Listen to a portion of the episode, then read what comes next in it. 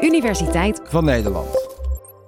Mocht je dit nou thuis willen proberen, is het leuk aan ons onderzoek dat het heel makkelijk kan. Je moet een Apple Watch hebben of kijken of jouw andere smartwatch hartritmevariabiliteit kan meten. Voor de Apple Watch kan ik je instructies geven. Zorg dat je ergens relaxed zit, ontspannen of ligt en dat je je Apple Watch aan je uh, linkerpols hebt. Dan open je de Mindfulness applicatie en daar ademhaling. Ga dan lekker uh, Spotify aanzetten, jouw favoriete nummer. Klik erop en dan zal er een drie minuten lange meting zijn. Het enige wat jij hoeft te doen is luisteren naar de muziek, je pols stilhouden. En aan het einde kan je bij de gezondheidsapp gegevens, als je op hart klikt en dan hartritmevariabiliteit, de meting zien. En hoe hoger, hoe beter. Dus herhaal daarna nog een keer met een nummer waar je helemaal niet zo van houdt. En dan kan jij het verschil waarschijnlijk thuis zien.